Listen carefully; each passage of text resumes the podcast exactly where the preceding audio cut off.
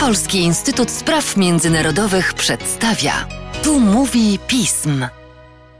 W podcaście Polskiego Instytutu Spraw Międzynarodowych witam Państwa Łukasz Jasina. Witam Andrzeja Dąbrowskiego, co jest nieodmiennym sygnałem, że porozmawiamy sobie dzisiaj o Stanach Zjednoczonych. Dokładnie tak. Dzień dobry Łukaszu.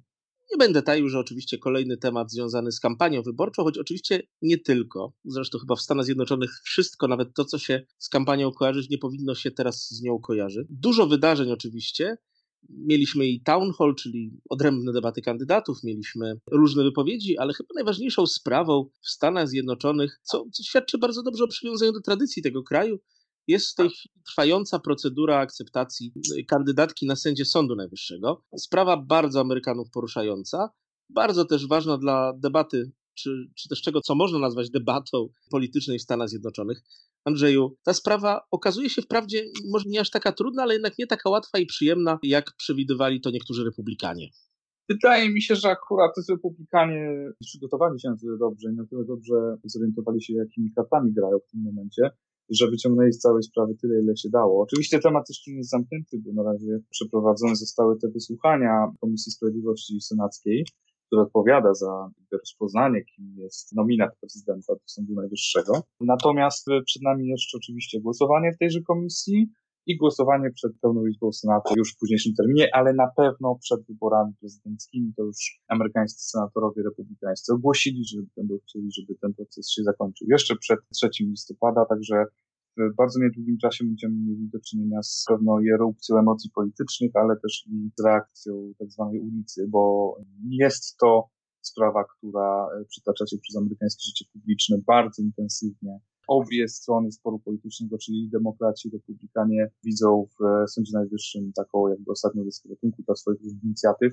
przeszłych i przyszłych. No i oczywiście kształtu całości funkcjonowania amerykańskiego systemu stanowienia i interpretacji prawa, który, jeżeli Amy Coney Barrett zostanie potwierdzona, bardzo mocno utrwali stan posiadania republikanów, a, republikanów, tej, tej konserwatywnej Ameryki w Sądzie Najwyższym ktoś powiedział o tym, że te przesłuchania to jest konflikt między dwiema trumnami, Antonina Skali i sędzi Ruth Ginsberg. Czy to jest prawda? Czy rzeczywiście widać tak mocno to starcie dwóch wizji Ameryki? Myślę, że senatorowie chcieliby, żeby to tak wyglądało, zwłaszcza demokraci, którzy bardzo mocno starają się wybić te, te różnice ideologiczne i ogólnie pokazać, że nominacja Trumpa, przedstawienie Amy Coney Barrett jako osoby, która miałaby zasiadać w Sądzie Najwyższym jest podyktowana interesami politycznymi, a nie interesami dobrego e, amerykańskiego sądownictwa na najwyższym poziomie. Ja się z tym nie zgodzę pod tym względem, że tutaj sama kandydatka sędzia Coney Barrett, ona miała swoją już historię z Sądem Najwyższym. Otóż była takim asystentem sędziego Antonina Scalii, czyli tego sędziego, który reprezentował takie bardzo konserwatywne poglądy. Zmarły w, na początku 2016 roku i widać po niej, ona też tego przyznaje, że no jest jakby z jego tej szkoły interpretacji prawa konstytucyjnego, interpretacji też y, ustaw w amerykańskim prawie, którą on reprezentował. Na pewno to są tak zwane,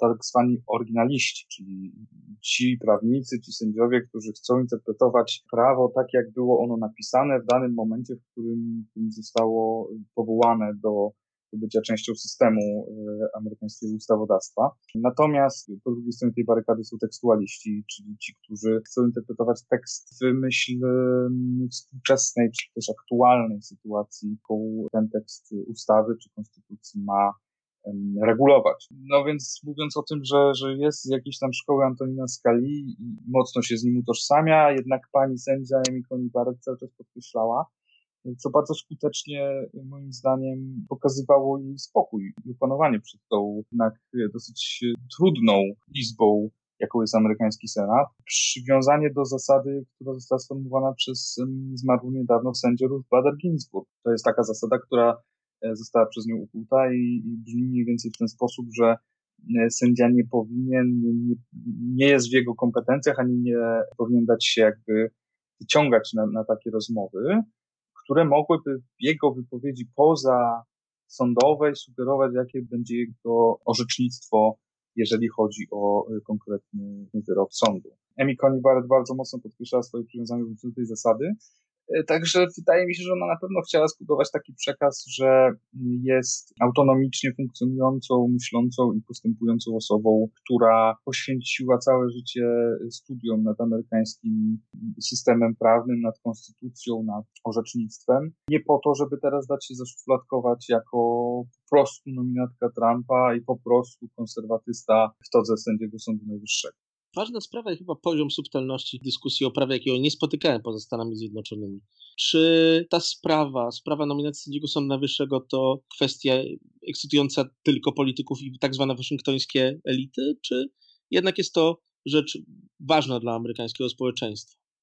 Jest szalenie ważna i myślę, że Amerykanie jako, jako byt polityczny, jako naród złączony tymi swoimi instytucjami, przypomina sobie o tym zbyt rzadko i zazwyczaj tylko w okolicznościach właśnie takich, że któryś sędzia umrze albo odejdzie i należy wybrać zastępstwo.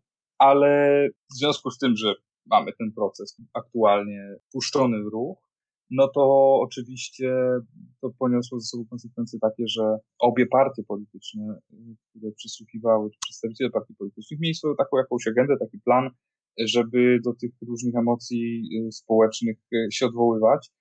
Przy czym tu o wiele mocniej zaznaczyli swoją polityczną obecność demokraci, którzy no wiedząc o tym, że po prostu nie mają arytmetycznie patrząc na skład Senatu siły głosów, żeby zablokować tą nominację Donalda Trumpa, postanowili właśnie przedstawić swój pogląd na to, o co właściwie ich zdaniem tutaj walka się toczy. I metoda demokratycznych senatorów była następująca, że otaczali się zdjęciami i przykładami na to, jak ważne jest, żeby te ustawy, które w tym momencie funkcjonują, a dokładnie chodzi o Affordable Care Act, czyli tak zwane Obamacare, czyli jeszcze dokładniej ustawę, która wprowadza powszechne ubezpieczenie zdrowotne. No, co zresztą z powszechnością tych ubezpieczeń zdrowotnych też to jest inna rozmowa, ale mam nadzieję, że jeszcze będziemy mieli okazję o tym pogadać kiedyś. Oni chcieli pokazać, że dziś rozmawiamy owszem z panią Amy Coney Barrett, ale dobrze zdajemy sobie sprawę z tego, że to jest tak naprawdę tylko wysłanniczka Trumpa i republikanów, i oni wszyscy chcą zniszczyć Obamacare jako pierwsze na, na, na swojej liście długiej celów do, do zmian. E, potem będą chcieli zająć się orzecznictwem e, wynikającym z e, tak zwanej sprawy Roe vs. Wade, czyli dostępu powszechnego do prawa do przerywania ciąży, a na pewno dalej to już w ogóle ten sąd zdominowany przez konserwatystów i ukształtowany przez Donalda Trumpa będzie chciał doprowadzić do obalenia ustaw, które dziesiątki lat temu doprowadziły do desegregacji rasowej, nadały prawa wyborcze czarnoskórym kobietom i innym grupom, które w przeszłości Amerykanie, w przeszłości w społeczeństwie amerykańskim były oczywiście uciskane. Taka narracja, no, troszeczkę było widać z tych, z tych przesłuchań, że jest naciągana sama pani, pani, pani Barrett y, jakby próbowała wskazać na siebie jako na właściwie tylko jeden z y, elementów tego skomplikowanego systemu, który, który odpowiada za to, w jaki sposób te ustawy będą y, dalej procedowane w Sądzie Najwyższym. Ale demokraci bardzo starali się właśnie pokazać, że, że, że, że to jest gra o wszystko. Z drugiej strony republikanie próbowali pokazać, że po bardzo takim rozognionym konflikcie y, o, o kształt Sądu Najwyższego, który, z którym mieliśmy do czynienia dwa lata temu przy okazji nominacji i potwierdzenia mm, sędziego Bretta Kavanaugh. Teraz chcieli pokazać, że ich kandydatka jest krystalicznie czysta, że jest idealnym naukowcem, znawcą zagadnień konstytucyjnych, osobą, która, y, wobec której demokracji nie są w stanie nawet próbować ją z jakiejś strony podejść. To był pierwszy cel y, republikanów, a drugim celem było to, żeby możliwie uniknąć kontrowersji, które mogłyby jeszcze mocniej zmotywować e, amerykańską lewicę, liberalnych wyborców, którzy już i tak bardzo czekają na to, żeby iść zagłosować w wyborach prezydenckich za trzy tygodnie. Także, także wydaje mi się, że jeżeli o to chodzi, to, to republikanie poradzili sobie znacznie lepiej ten przekaz demokratów dosyć monotonny, momentami chaotyczny. I nawet pani Kamala Harris, która zasiada w tej komisji jako jeszcze senator, obecnie też kandydatka na wiceprezydenta boku Joe Bidena, nie udało im się tego, tej ściany, muru profesjonalizmu Amy Coney Barrett przebić. Także w mojej ocenie to jest póki co, ponieważ na razie jesteśmy po przesłuchaniach, jeszcze dwa głosowania przed nami. Póki co jest to bitwa zwycięska dla republikanów wydaje mi się, że całą wojnę o, o, o ten kształt Sądu Najwyższego przynajmniej w tym podejściu będą, będą również uznawać za swoje zwycięstwo, ale nie zapominajmy też o tym, że to wszystko jest przecież polityczny show i każdy chciał pokazać się z jak najlepszej strony. Cztery dni przesłuchań, każdy dzień po kilkanaście godzin czasami tych rozmów przed komisją w Senacie był doskazał, żeby ci wszyscy politycy mogli się pokazać, żeby mogli mówić niemal bez ograniczeń, zadawać pytania, nawet jeżeli nie były one twórcze, ale na pewno byli w obiektywie kamery. Ciekawa rzecz y, i drobne pytanie uzupełniające do niej. Mówi, że republikanie tutaj na razie wygrają, a jak wygląda w tej chwili sytuacja ogólna w sondażach y, przed wyborami prezydenckimi? Sondaże już nie są takie dobre dla republikanów, zwłaszcza dla Donalda Trumpa. Kolejne, kolejne stany, które były kluczowe, żeby wygrać wybory przez urzędującego prezydenta, stają pod znakiem zapytania. Takim ostatnim szalenie interesującym przypadkiem jest kwestia Arizony, która jako stan była zawsze mocno konserwatywna, dosyć konsekwentnie oddająca głosy na kandydatów partii republikańskiej, a teraz jest w tak zwanym obszarze toss-up, czyli jest do wzięcia. Jedna, druga partia mają niemal równe szanse, żeby ten stan przejąć dla siebie i póki co, co to, to jest taki dosyć trudny obrazek dla Donalda Trumpa, ale ja bardzo staram się, pytany za każdym razem, tutaj jakichś sądów autorytatywnych nie, nie, nie reprezentować, ponieważ tych zmiennych jeszcze jest na tyle dużo, wliczając w to koronawirusa, wliczając w to właśnie dalszy proces potwierdzania Amy Coney Barrett, gospodarka oczywiście, jak to w amerykańskich wyborach. Tyle rzeczy jeszcze może ulec zmianie w ciągu tych trzech tygodni, że mm, zostawmy sobie y, takie, takie oceny na trochę później. Oraz pamiętajmy o tym, że w 2016 roku Hillary Clinton też miała zdecydowaną przewagę w sondażach, a jak to się skończyło, wszyscy pamiętamy.